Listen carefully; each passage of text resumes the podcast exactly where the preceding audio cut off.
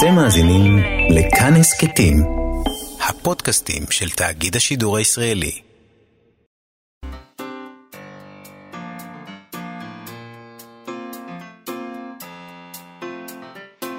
מה שכרוך עם יובל אביבי ומה יעשה לה. שלום, אנחנו מה שכרוך בכאן תרבות, מגזין הספרות היומי שלכם, תוכנית ראשונה שלנו לשבוע זה, יום ראשון, אתם מאזינים לנו ב-104.9, או אולי ב-105.3 FM, או באפליקציה של כאן, שאפשר למצוא בחנויות האפליקציות. איתנו באולפן היום מיכאל אולשוונג ורות דוד אמיר, שלום לכם, ושלום לך יובל אביבי. שלום, יעשה לה? היום נדבר עם פרופסור גבריאל מוקד. אני קצת מתרגש. אני, זה, זה בין איזה אישיות לדבר איתה. גבריאל מוקד, פרופסור גבריאל מוקד, מבקר, עורך ספרות, פרופסור לסילופ, לפילוסופיה אגב, לא לספרות. נכון. אה, מחבר הווריאציות, האיש שהקים וממשיך להוציא את כתב העת עכשיו. הקים אותו באמצע שנות החמישים. אני גם אוהב את זה שאף אחד לא יודע מתי עכשיו הוא קם. כי הדעות חלוקות, 57, 56, 50, אף אחד לא יודע. זה כמו האנשים המיתולוגיים האלה, שלא יודעים מתי הם נולדו, כי הם היו צריכים לזייף את העלייה שלהם, אה, לתאריך העלייה שלהם, תאריך הזה, ככה זה. או סתם אה, נשים, שאתה לא רוצות שתדע מתי הם נולדו. אבל בתעודת זהות כתוב. אה. יש אנשים שאפילו תעודת הזהות שלהם לא ברור לה. Mm. אלה שכתוב עליהם 0-0 כזה, בשנת הלידה. כן, גבריאל מוקד הוא איש המאה ה-20, כשעוד אה, אנשים יכלו להיות כל מיני דברים. לא היום, שאתם כולכם חבורת פוצים כאלה עם תעודות זהות. בדיוק. בקיצור, אה, גבריאל מוקד גם אה, הוא כוכב הסרט אה, התיעודי, איש החרב, עם היוצרת שלו, שלומית כרמלי, דיברנו בשבוע שעבר. היה מדבר עם מוקד עצמו, נשאל אותו מה דעתו על הסרט, מה דעתו על דמותו, כפי שהיא עולה מן הסרט. נדבר גם עם ערן ליטווין שלנו, מכאן ג', על הספר חסד נעורים שכתבה צפרירה שחם קורן. יצא בהוצאת יד יצחק בן צבי. זה ספר שחוזר על מכתבים ויומנים של קבוצת חלוצות בקיבוץ עין חרוד, ואמור להציע מבט אחר על המעשה הציוני הגדול. מעניין אם זה אכן מה שקורה שם. אוקיי, okay, אבל uh, נתחיל עם uh, מסיבות. נדבר קצת עם, על מסיבות, נכון? כן, כן. באתר ליטררי האב מפרסמים כתבה חשובה שבה הם מזכירים 11 מסיבות ספרותיות אגדתיות שחבל שהפסדנו, עם כותרת המשנה ספרים, השקעות והתנהגות לא ראויה. אה, באנגלית זה נשמע יותר טוב, וגם המסיבות באנגלית הן יותר טובות, יובל. אה, לא נוכל להזכיר את כולן למרבה הצער, אבל כמה מהן אנחנו נציין. אף אחת מהן לא קרתה בנסיך הקטן, אה, משום מה. לא. Literally האב פספס את הסצנה הזאת. למשל, פסטיבל סנט ג'יימס ב-1928, שבו סילביה ביץ' אירחה מסיבה שבה נפגשו, דמיין לעצמך את זה, סקוט פיצג'רלד וג'יימס ג'ויס. אה, סילביה ביץ' הייתה מייסדת של Shakespeare and Company והמו"ל הראשון של יוליסס, uh, והיא מספרת שפיצג'רלד העריץ את ג'ויס, uh, אבל חשש לגשת אליו. חשש. אז ארגנו ארוחת ערב, שבה לדברי הביוגרף של ביץ', פיצג'רלד ניסה להרשים את ג'ויס על ידי כך שהוא קפץ מהחלון, ולפי מקור אחר, פיצג'רלד קרע ברך מול ג'ויס, נשק את ידיו ואמר לו, איך זה מרגיש להיות גאון גדול, אדוני? אני כה נרגש לראות אותך, אדוני, שאני יכול לבכות. אמ, אתה יכול לדמיין לעצמך איזה משהו כזה קורה כאן? אמ, לא. פה, זה נגיד. נורא. זה, אני לא יכול לדמיין את זה קורה גם שם. קצת כבוד עצמי, כאילו, דוד. מה זה קשור לכבוד עצמי? אתה מתאר לעצמך כמה שמפניה הם שתו? אה, אני, אני מקווה. דמיין את זה באיזה אופן זה, גם אירוני קצת, אתה יודע. זה מהבקרים האלה שאתה קם, אוי ואבוי. אני לא מאמין שאתמול בערב קראתי ברך מול ג'ויס ואמרתי לו... אבל זה ג'ויס, זה ג'ויס. עדיין. לא קראת ברך עכשיו מול, אני לא רוצה להעליב אף אחד. לא, נניח אבל שאת מגיעה למסיבה... אני מוכנה. ואת שותה המון, ומופיע שם גרוסמן. ואת קורעת ברך מול גרוסמן ואומרת לו איך זה מרגיש להיות גאון, אדוני. לכן ציינתי שאנחנו מדברים על זה ש... על ג'יימס ג'ויס. בסדר. אתה מבין את ההבדל? תודה. ג'ויס מככב בעוד מסיבה. כן. אה, שארגנו, מהרשימה הזאת, שארגנו פטרוני האמנות סידני וויולט שיף. הם רצו להפגיש בין ג'ויס, פרוסט, פיקאסו וסטרווינסקי, שמבחינתם היו ארבעת האומנים הגדולים של התקופה. איזה יופי. ופרוסט הגיע בשתיים וחצי בלילה. שזה גם סטייל, כאילו מארגנים בשבילך מסיבה עם... למה? בתל אביב זה מאוד נהוג להגיע בשתיים וחצי בלילה.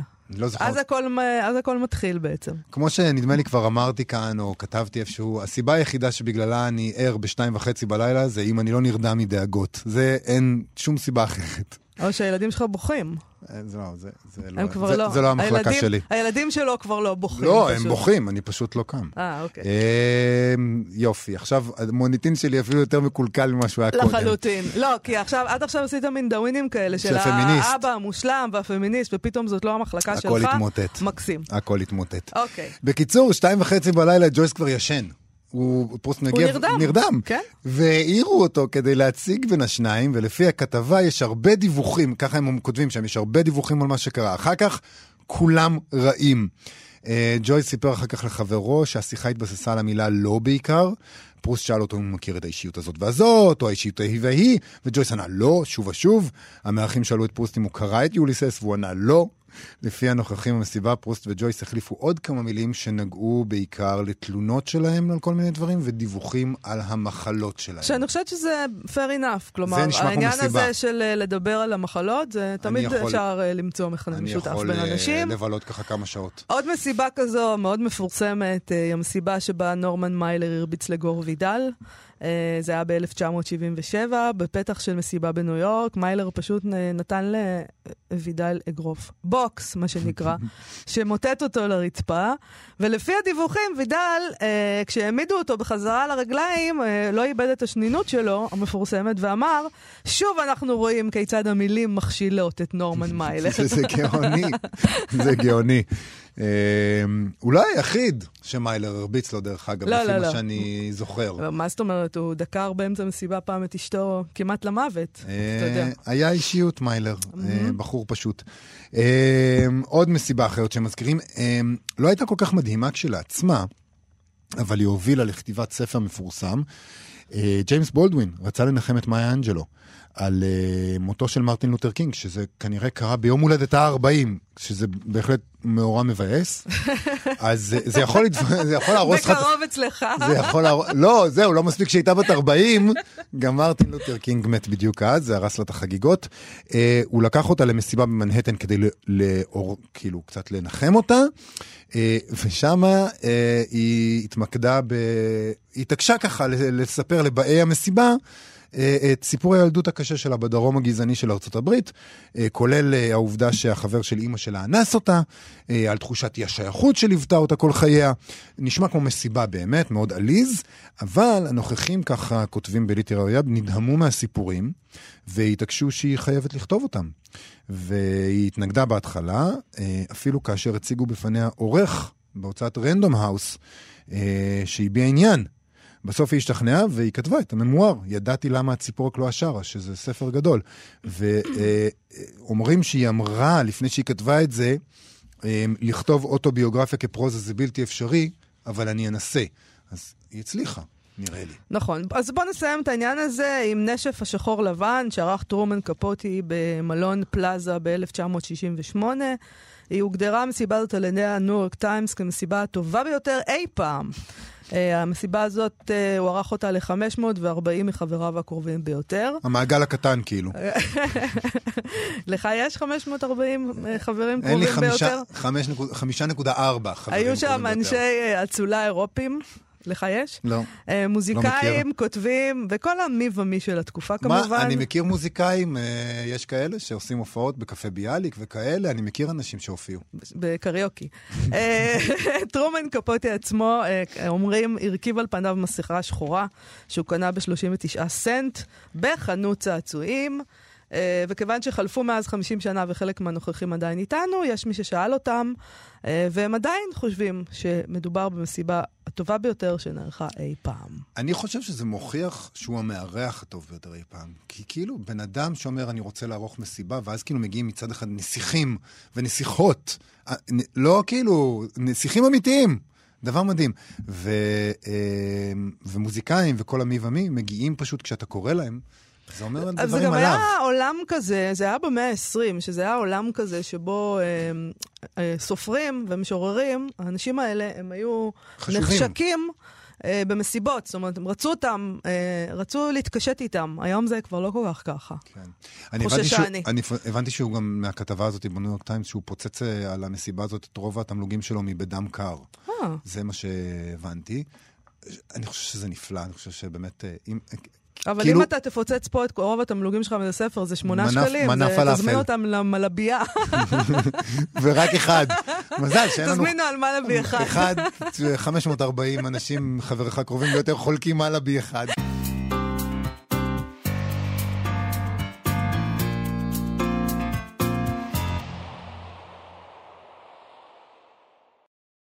כאן תרבות, מה שכרוך, אנחנו נדבר עכשיו עם גבריאל מוקד. דיברנו בשבוע שעבר על הסרט איש החרב, אה, סרט יהודי של שלומית כרמלי ורפאל כרמלי. אה, פרופסור גבריאל מוקד, מבקר, עורך ספרות, פרופסור לפילוסופיה, דווקא, לא לספרות. מחבר הווריאציות שיש עליהן הרבה, אה, ממוקדת בהם תשומת הלב בספר הזה. נכון, בסרט. אה, סליחה, בסרט הזה, אתה צודק. והוא האיש שהקים וממשיך להוציא את כתב העת עכשיו, אה, מהחשובים שפעלו כאן והשפיעו עמוקות על הספרות העברית. אז חשבנו לעצמנו, למה שלא נדבר עם האיש עצמו? למה לדבר עליו? והנה, יש לנו הזדמנות. שלום לפרופסור גבריאל מוקד. שלום רב. אתה ראית את הסרט הזה?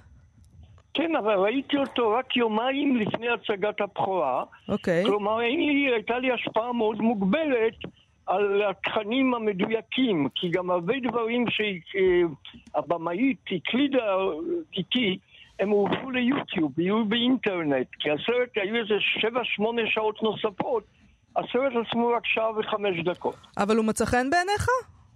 זה זה סרט מצוין, קודם כל לדעתי מבחינה קולנועית. כל הכבוד לבמאים, לשלומית כרמלי ולאח שלה.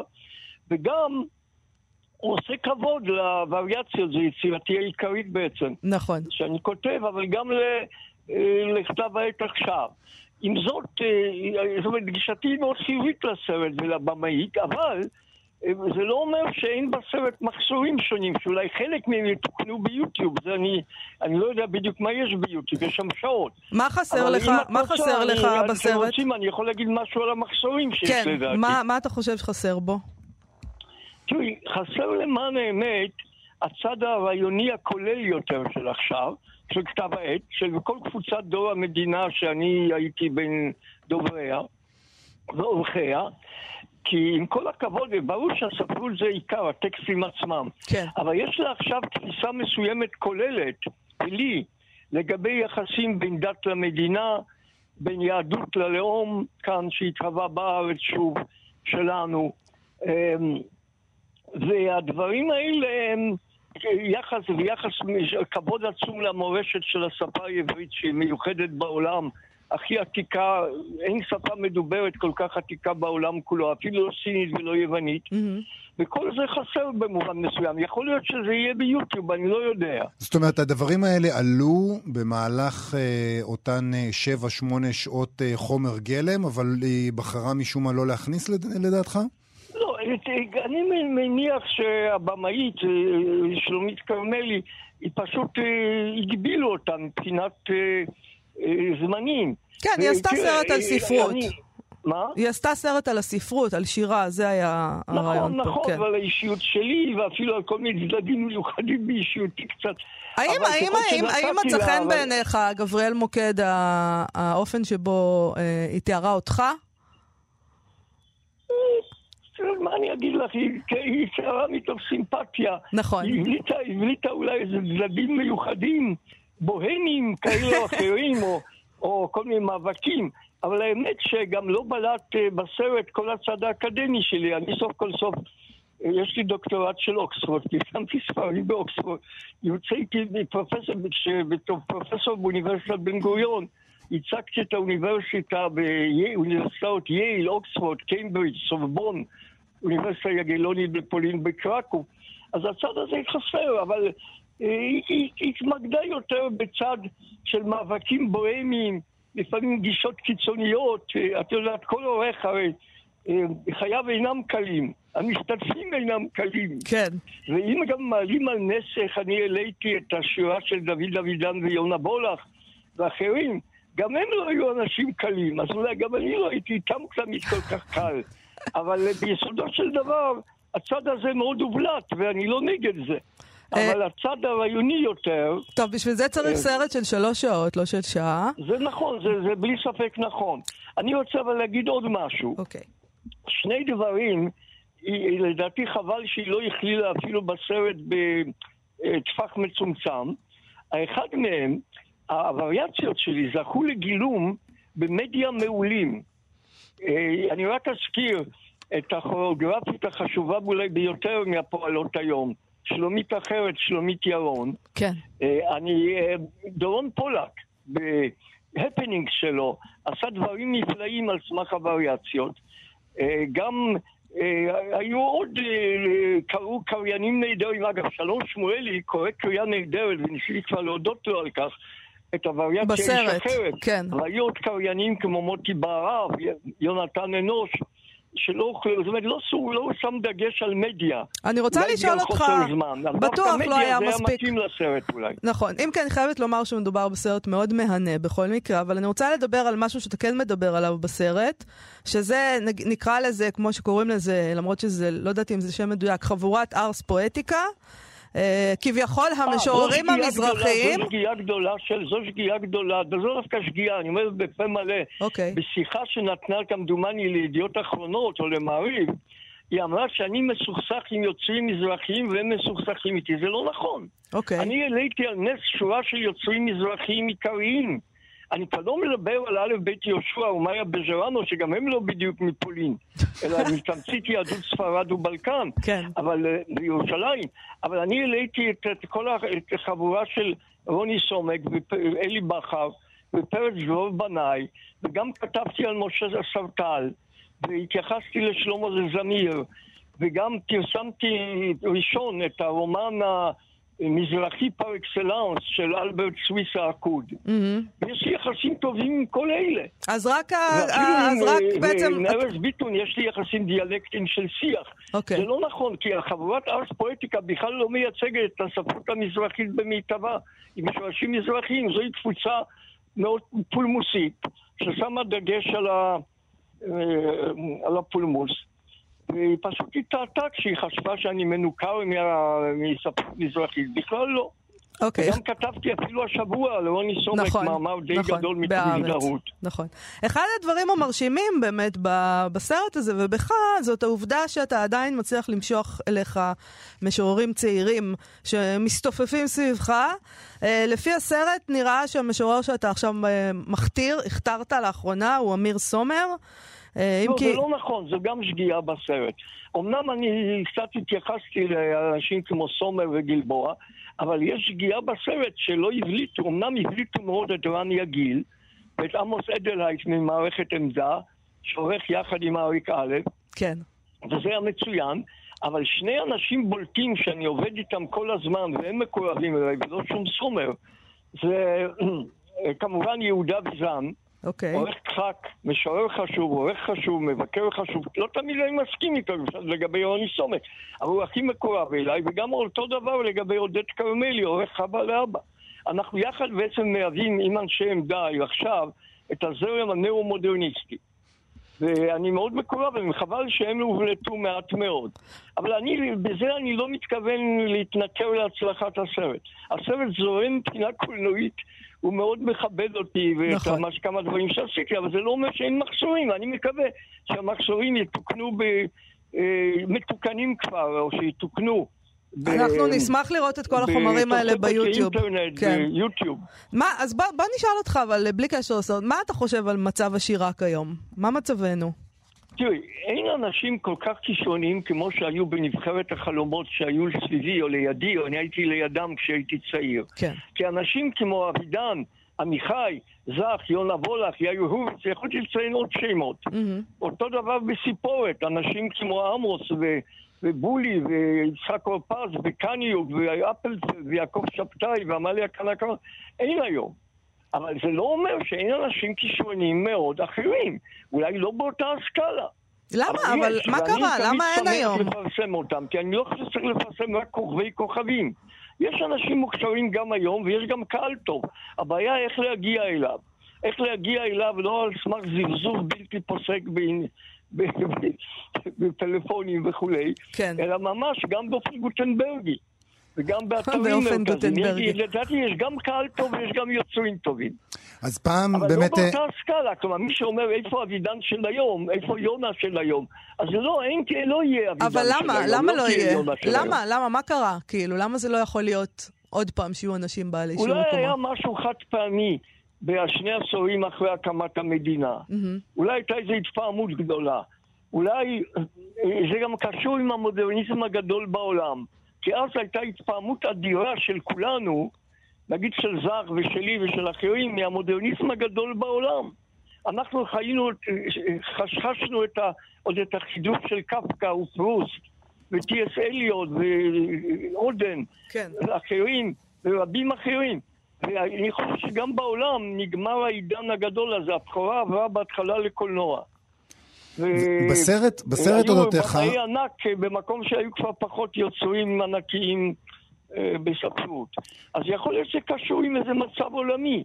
את יודעת, היום כשאני חושב למשל על פרוזה בעולם, אני מאוד מחשיב את אה, ליטל, זה שכתב את נוטות החסד. כן. יצירה ענקית על התקופה הנאצית, ואני מחשיב מאוד את אורחן פמוק הטורקי, זה מין עם, סופר עמוס עוז טורקי, נכון. או סופר בולי טורקי, אבל יש מעט כאלה. וגם אה, אין, פשוט אנחנו חיינו בצל דור ענקים של המודרניסט. ויכול להיות שגם זה השפיע. אגב, גם בקולנוע היה אז דור ענק של שנות 50 ו-60 הראשון, של קורוסבה ושל פליני ושל הצרפתים ומה לא. היום זה קצת פחות. אבל הם עברו לטלוויזיה. יש אנשים מוכשרים, גם בקולנוע, למשל טרנטינו, אחים כהן, רק לתת דוגמאות. נכון, נכון. זה נכון גם אה, לגבי כתבי עת, אנחנו ראינו בסרט אודותיך כל מיני צילומי ארכיון של השקות של, אה, או, או אירועים גדולים של כתב העת עכשיו, שהמון המון מגיעים לשם, מעלים דברים על הבמה, יש... אה, סיקור כל- בטלוויזיה. סיקור בטלוויזיה, באים לצלם את זה. מי מדמיין בכלל היום את הדברים האלה כשמשיקים גיליון חדש של כל כתב עת אה, ספרותי? אתה יודע, אני חושב שגם היום, אם הייתי עובד על זה חודש-חודשיים, אני יכול לגייס מאות אנשים לאיזה אולם גדול. אז זה טובי עבודה, וזה כמעט לבד. ואל תשכח שאני אדם, שאני מוחרם מבחינה תקציבית אחרי 60 שנות עריכה, האידיוטים ממנהל התרבות לא רוצים להקציב לה עכשיו כסף בטענות שהוא יוצא רק פעם בשנה, או שכתב העת האנגלית שלי, ג'רוזלם רביעו, זה בכלל טרגדיה מסוימת, כי זה כתב עת רציני ביותר בעולם היהודי, באנגלית, בשפה הנפוצה בכל העולם. בהתחלה משרד החוץ קצת תמך, אחרי זה השר ארדן הפסיק את זה. כי הוא כנראה חושב שצריך לייצג אותנו נגד BDS אה, רק על ידי חוגי חוגים מליכודי ימינה, שזו טעות. כן. אה, אני, אני מאוד לא מתוקצב, אין לי שום כסף, אה, אני שהסעתי המון כסף פרטי. אני לא מתוקצב כמעט לגמרי. פרופסור מוקד, האם, האם לא התעייפת כבר מכל העניינים האלה? אני, אני לפעמים חושב שהתעייפתי, אבל כנראה שולטת בי איזה, איזה מניה כזאת, כנראה באמת, אני אחגוג ב-27 החודש את יום הולדתי ה-86.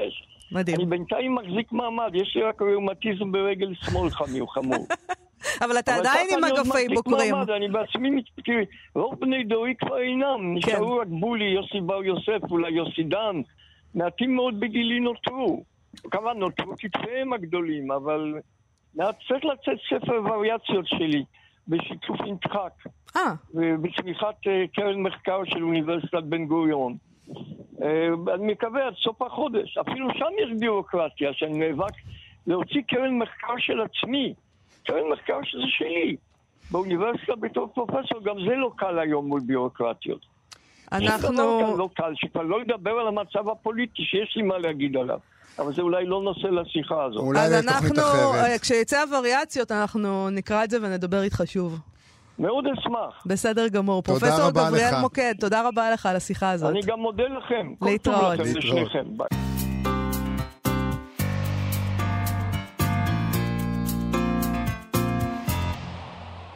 אנחנו מה שכרוך, בכאן תרבות חזרנו, ולא סתם חזרנו, גדלנו ב-30, בכמה? ב-30, 50 אחוז? 33 אחוז? אני לא יודע. יש פה גם באולפן איתנו את ערן ליטווין מכאן ג' כדי לדבר על הספר חסד נעורים, שכתבה צפרירה שחם קורן, זה יצא בהוצאת יד יצחק בן צבי. מחקר, אסופת יומנים ומכתבים של חלוצות מקיבוץ עין שאמור לספק לנו מבט אחר על ימי ראשית הציונות. שלום ערן. שלום לכם. אז מה יש לנו פה בספר הזה? מבט אחר? אז קודם כל, אה, אני רוצה להתחיל בווידוי. אחד הספרים הטובים שקראתי ב- בזמן האחרון, ממש כך. אה. מה אתה אומר? ממש כך. אה, השאיר עליי רושם מאוד מאוד חזק. אה, נגיד משהו גם על הכותבת, אה, דוקטור צפריר שחם קורן, גדלה בעין חרוד, אה, אימא שלה מהמייסדות, אה, והיא בעצם מקדישה את הספר אה, לאימא שלה. יש בספר גם מבוא מאוד מעניין של מוקי צור, שהוא חוקר של ההתיישבות העובדת, והוא תמיד כותב מאוד מאוד יפה. הספר הזה הוא בעצם עדויות של 21 נשים שהגיעו לעין חרוד, 21 נשים פלוס העדות של אימא שלה. אה, את העדות של אימא שלה, היא לא, היא לא ראיינה את אימא שלה, היא בעצם כותבת מין איזה מפגש מדומיין שיהיה ביניהם, שבהם האם מספרת לה. מדובר כאן ב, בסיפור, בצד האפל של הניסוי הכי גדול שנעשה כאן בבני אדם, ואני מדבר על הקיבוץ כמובן. צד אפל. צד אפל. אה, עין חרוד אה, עלתה על הקרקע ב-1921, עוד בגרסה המוקדמת שלה ליד המעיין, רק בשנת 30 היא עברה למקום ש... איפה שהקיבוץ נמצא היום. והספר הוא בעצם תיעוד של יומנים ומכתבים של 21 נשים שקמו יום אחד באירופה, פולין, רוסיה, לקחו תרמיל ונסעו ללבנט ה- ה- החם. והמסע הזה הוא, הוא לא ייאמן פשוט, אה, מדובר בנשים צעירות. אה, לפעמים נסעו לבד, לפעמים עם חברות, וכאן הן מקבלות... אה, שוק. וואחד סתירה, לא, זה לא שוק. זה, זה מפגש עם מזג אוויר שהם לא הכירו, חום, מחלות, אה, חוסר תנאים, חוסר מזון, עבודה מאוד מאוד קשה, הם בעצם אלה ששמו את התשתית לקיבוץ. אה, והנשים האלה מצאו את עצמם ב- בסיטואציות אה, פשוט שהן אה, לא תיאמנה. המכתבים האלה הם בעצם הגרסה שלהן לאיך זה היה נראה באמת. אנחנו כולנו קראנו מחקרים וראינו סרטים, ותמיד הכל נורא יפה, והשמש הארץ-ישראלית, וזה גם... לא, היה- כבר דיברו על הקשיים, זאת אומרת, זה לא שאנחנו חושבים שהיה פה לדידה. נכון, אה, נכון. כן דיברו על מחלות, כן דיברו על קושי פיזי, אבל תמיד זה תחת האצטלה הזאת של אה, המעשה הציוני הגדול, ובסך הכל אה, כולנו פה בשביל המטרה הגדולה. זה בעצם הדבק שמה שהחזיק אותם כאן, כן. וזה נכון שדיברו על זה. מהכתבים האלה עולה רק אה, מבט קודר על המצב. יש שם מדי פעם איזה אה, אה, עידוד עצמי שאומר, אנחנו כן, אנחנו כאן, אנחנו באנו לבנות את הדבר החדש, אבל אפשר להגיד שכולם, כל המכתבים וכל הטקסטים הם סביב הסבל, היגון, הצער על, ה, על העזיבה, חרטה? המחשבה, אה, בחלקם חרטה. גם הספר מגלה המון דברים חדשים, למשל, אני לא ידעתי שיאנוש קורצ'רק ביקר בארץ. לפני המלחמה. והוא בא לעין חרוד, כי עין חרוד הייתה מין איזה שפיץ ש, שכל ההתיישבות העובדת הסתכלה עליו, כן, אמרו, דוגמה. זה המודל, זה כן. המודל. וכולם באו ללמוד שם, אז יאנוש קורצ'ק הגיע לשם. או למשל, שבשנת 27 כבר 80 אנשים לוקחים את המזוודות שלהם וחוזרים לרוסיה. מרוב זה שהם אה, לא הצליחו להסתדר כאן, אני לא ידעתי שהייתה עלייה, עזיבה, הגירה הפכה, שלילית. הג- הגירה ירידה. שלילית. כן. הם מנסים להקים שם איזה קיבוץ אה, נכון, נוסח נכון, רוסיה, זה כמובן לא עובד להם. וה, וה, והספר הוא באמת, הסופה של טרגדיות, יש שם אה, זוגות אה, שהאישה אה, מתה בשחפת ושני הילדים מתים במלחמת השחרור, למשל, נופלים בקרב. אה, נשים שמגיעות לבד ולא מצליחות להתחתן. אה, מדובר שם הרבה על אובדן הנשיות והחמצת האימהות, זאת אומרת, הרבה נשים נאלצו לוותר על הנשיות שלהם. הן רבות על המקום שלהן בשמירה ובעבודה, הן רואות בזה הזדמנות להיות שוות, אבל הם גם, ובכתבים האלה מגלים את זה, הן פשוט מדברות על זה שהן איבדו את האופציה להיות נשים, להיות אהובות, להיות אימהות כמו שהם דמיינו. החיים נורא נורא קשים שם. על איזה תקופה מדובר? אתה מציין, ציינת שהוקם ב-1921 ואתה מדבר על מלחמת השחרור. זאת התקופה שמכסים בספר? העליות, הנשים האלה עולות מנגיד אמצע שנות העשרה, שתחילת המאה ה-20, ועד נגיד שנות ה-40. אוקיי. זה נע, נע שם, וה, והתיעוד הזה הוא תיעוד של uh, מהרגע שהן מגיעות ועד, ו, ו, וקדימה. זאת אומרת, יש כאן מישהי, אחת העדויות, מישהי שמתעדת כמעט uh, uh, 60 שנה של... Uh, uh, 60, 40 שנה, סליחה, של, של יומן, מ-1927 עד 1962. היא כותבת 3,000 דפי יומן. וואו. מדהים. וה, והטקסטים האלה הם חשובים כי הם, כי הם הדבר האמיתי. הם, אבל אם אין מיש- מסננת. מישהי שכותבת עד, עד שנת 67, אה, באיזשהו שלב הדבר הזה מתהפך. הרי בסופו של דבר האישה הזאת חוותה את הקמה, אה, הגיעה לכאן כדי לעשות את המעשה החלוצי, ב-48 קמה מדינה. השנים הראשונות הן לא קלות, אבל תחושה של הישג גדולה, תחושה של התפתחות מאוד מהירה בישראל. בהחלט. אין איזה מהפך ככה, באיזשהו שלב מתחילות לכתוב, אוקיי, זה היה שווה את הכל? יש אצל חלק מהם את זה, וחלק מהם פשוט נשארות נשים אה, שבורות, שלא משתקמות. זאת אומרת, המדינה קמה, הן חוות את ההצלחה, הן חלק מה, מהאבות המייסדים. הצליל שעולה מהטקסטים האלה הוא צליל של שבר נורא נורא גדול, וכמובן שמחה על זה שהצלחנו וזה שהעמדנו קיבוץ, אבל השבר הוא ענק, וזה, וזה במט ממש קודר על, על כל הדבר הזה. איך הספר הזה בנוי? זאת אומרת, הוא מטפל סוגיות שונות, אה, ו- ואז אה, אוסף עדויות מתוך המכתבים האלה על סוגיה ספציפית, או שזה פשוט עובר אישה-אישה והתיעוד זה שלה? עובר אישה-אישה, המפגש שלה עם הכותבת. אה, רובן אה, היו בבית זקנים שהיה בעין חרוד, אז היא מתארת מפגש עם שרה שהולכת כפוף בשבילי הקיבוץ ומסתכלת מסביב. כתוב מאוד מאוד יפה, מאוד מאוד רגיש, מאוד נגיש, מאוד כיף לקרוא את זה. החומר גלם הוא מצוין, עם המון המון ציטוטים.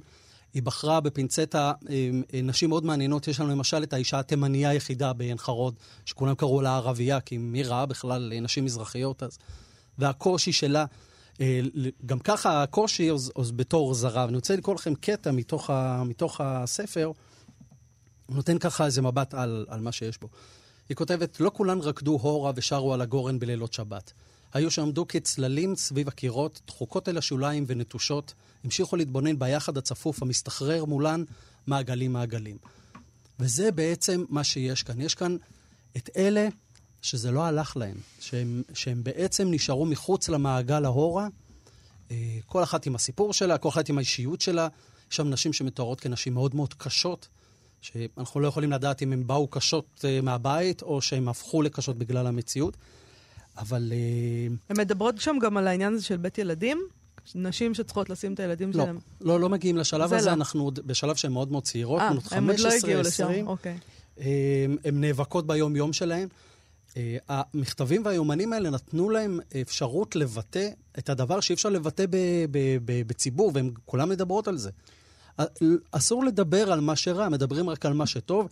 אני רק חושב לעצמי, אם הנשים האלה היו יודעות שמסביבן יש עוד נשים שכותבות יומנים כאלה, איך, איך חלק גדול מהבעיה הזאת לא היה קורה חבל שלא פשוט. היה אז מעגלי שיח של העצמה נשית, אה, זה היה יכול לפתור את כל הבעיה. או פייסבוק. תגיד, תגיד או מה עם, אה, מה עם הגברים? הם מופיעים שם? מה אתה היחס לג- נדחף? מה זה? אה, הם- היחס לגברים. היחס לגברים. אתה רוצה מה גם שגברים יתלוננו לא, עכשיו. לא, לא, לא, לא, איך הן מסתכלות על גברים, איך הגברים מתייחסים אליהן. אה, גברים שם הם חלק אה, נכבד מהסיפור. אה, יש שם נשים אה, שמקיימות יחסים עם גברים נשואים, ויש שם נשים שיולדות אה, ילדים מחוץ לנישואים של גברים אחרים.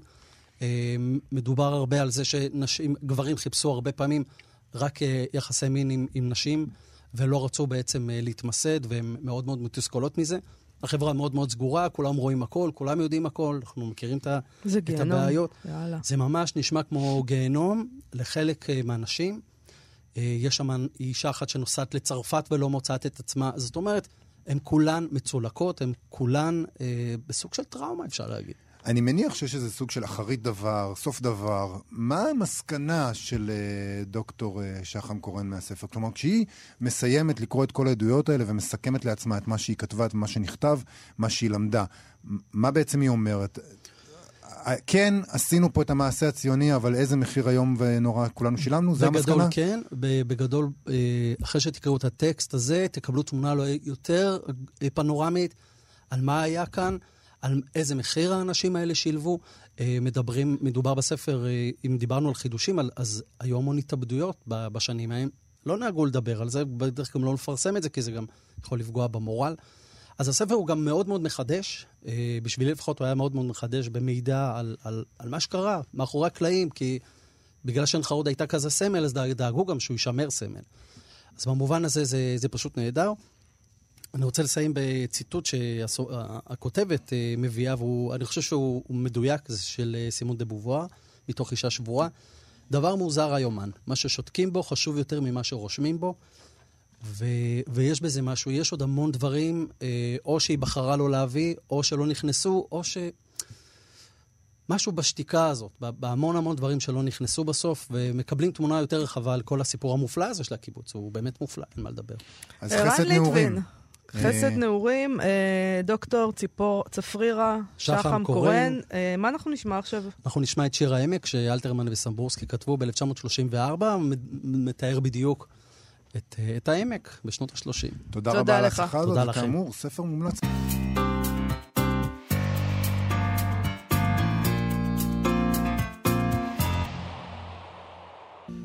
מה שכרוך, כאן תרבות. אה, אנחנו פונים ישר לפינת ביקורת הביקורת שלנו. אנחנו נקרא היום קצת מהביקורת של פרופסור גבריאל מוקד, שדיברנו איתו היום, שכתב בסוף השבוע האחרון בעיתון הארץ על מילת הכבוד של הרחוב, עיונים בשירתו של רוני סומק. הוא גם הזכיר את הביקורת הזאת ממש עכשיו נכון, בשיחה. הוא דיבר עליה עכשיו, אה, על, על, ה, על החילוקי דעות שיש לו לגבי רוני סומק עם, עם יהודה ויזן.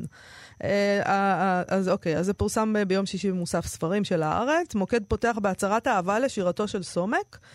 אה, שזה כאמור כבר לא דבר של... זה, זה לא נכון להגיד שזה לא דבר של מה בכך, רק פשוט יש... באופן יחסי מי- למי שמסתובב איתו.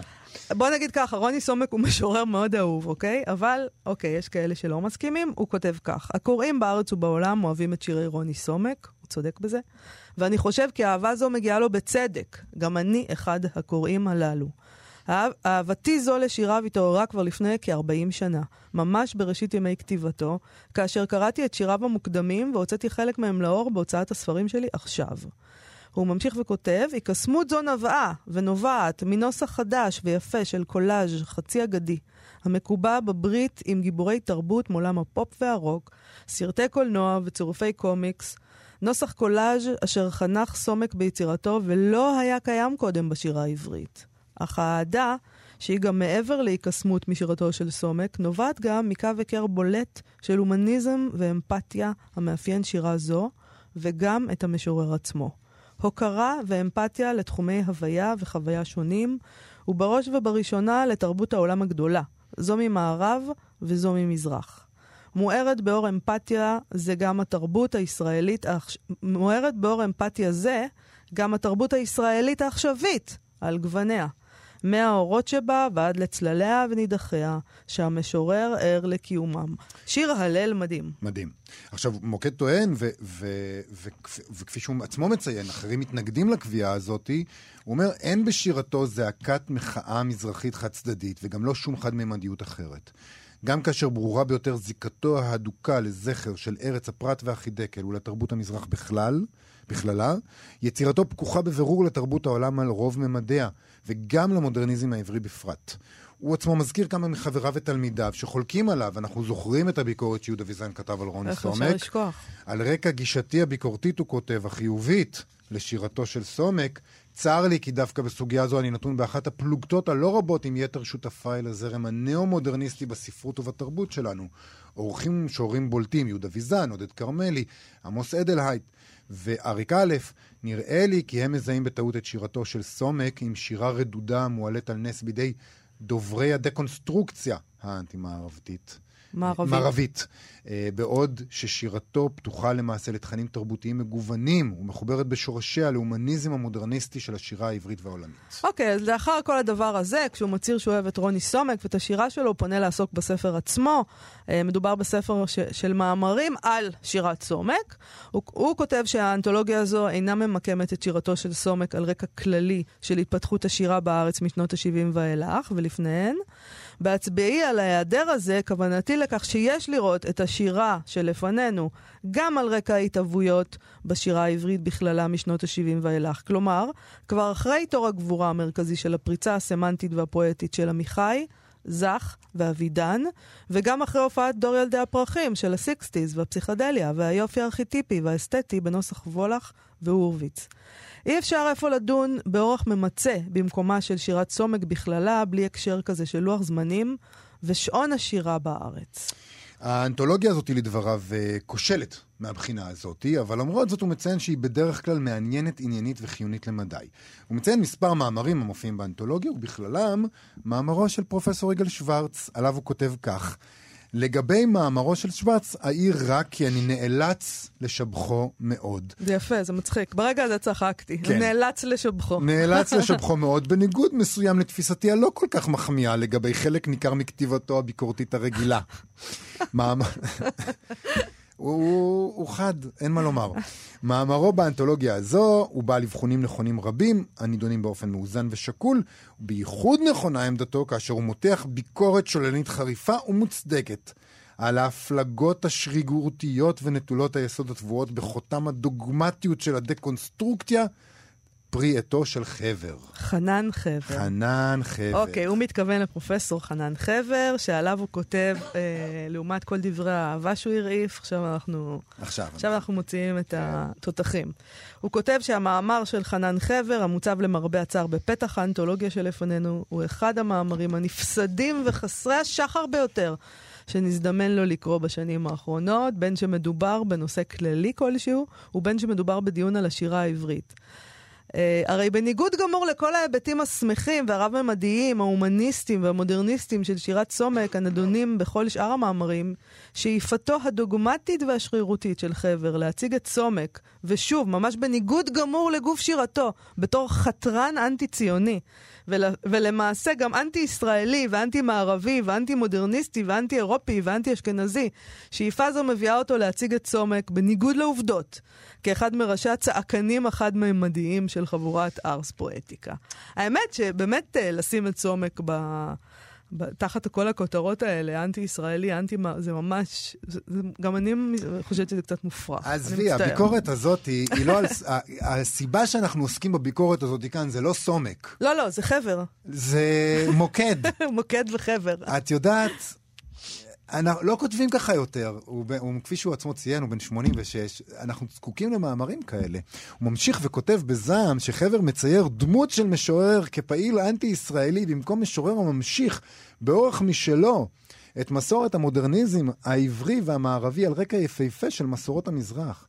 חבר יוצר אפוא דמות מדומה ומגרש את השירה שהוא דן בה מכלאה מזרחית מגדרית ואנטי-מערבית. בלי קשר לעובדות השיריות, אך ורק בהתאם למתכונים הרעיונים הדוגמטיים שלו ושל דומיו, וכאן הוא זורק פה רשימה של אנשים מהאקדמיה. של דומיו. אפשר לקרוא אותה אה, בעיתון. תקרא, למה? אה, יקראו בעיתון, אין בעיה, אני אקריא אותה, לא, זה לא משנה. עדי אופיר, יהודה שנהב שרבני, מיכאל גלוזמן, רון כחלילי, חיים דאוללוסקי ודנה אולמר. אגב, זה ערבוב של אנשים שבאמת לא הקשר ביניהם... רק, רק בביקורת של מוקד אפשר למצוא אותם ביחד. חלקם. אפילו גדולתה של שירת ספרד מתקופת שמואל הנגיד, שלמה בן גבירול, יהודה הלוי, אשר מולם, ולא רק מול נתן אלתרמן, עמיחי, אבידן ובולך, היו צריכים זוטרי ארס פואטיקה למדוד את ערכם השירי הדל. מול זה, גדולתה של שירה זו משמשת את חבר רק בתור בסיס לפיתוח תזות צרות ומוטעות. את המתקפה הזאת הוא מסיים בתהייה מדוע לתבוע דיוק ממחבר שכל מושגי הדקונסטרוקציה המנחים אותו מושתתים למעשה על אדני רלטיביזם מוחלט ואנטי-מרקסיסטי של שימוש בשפה.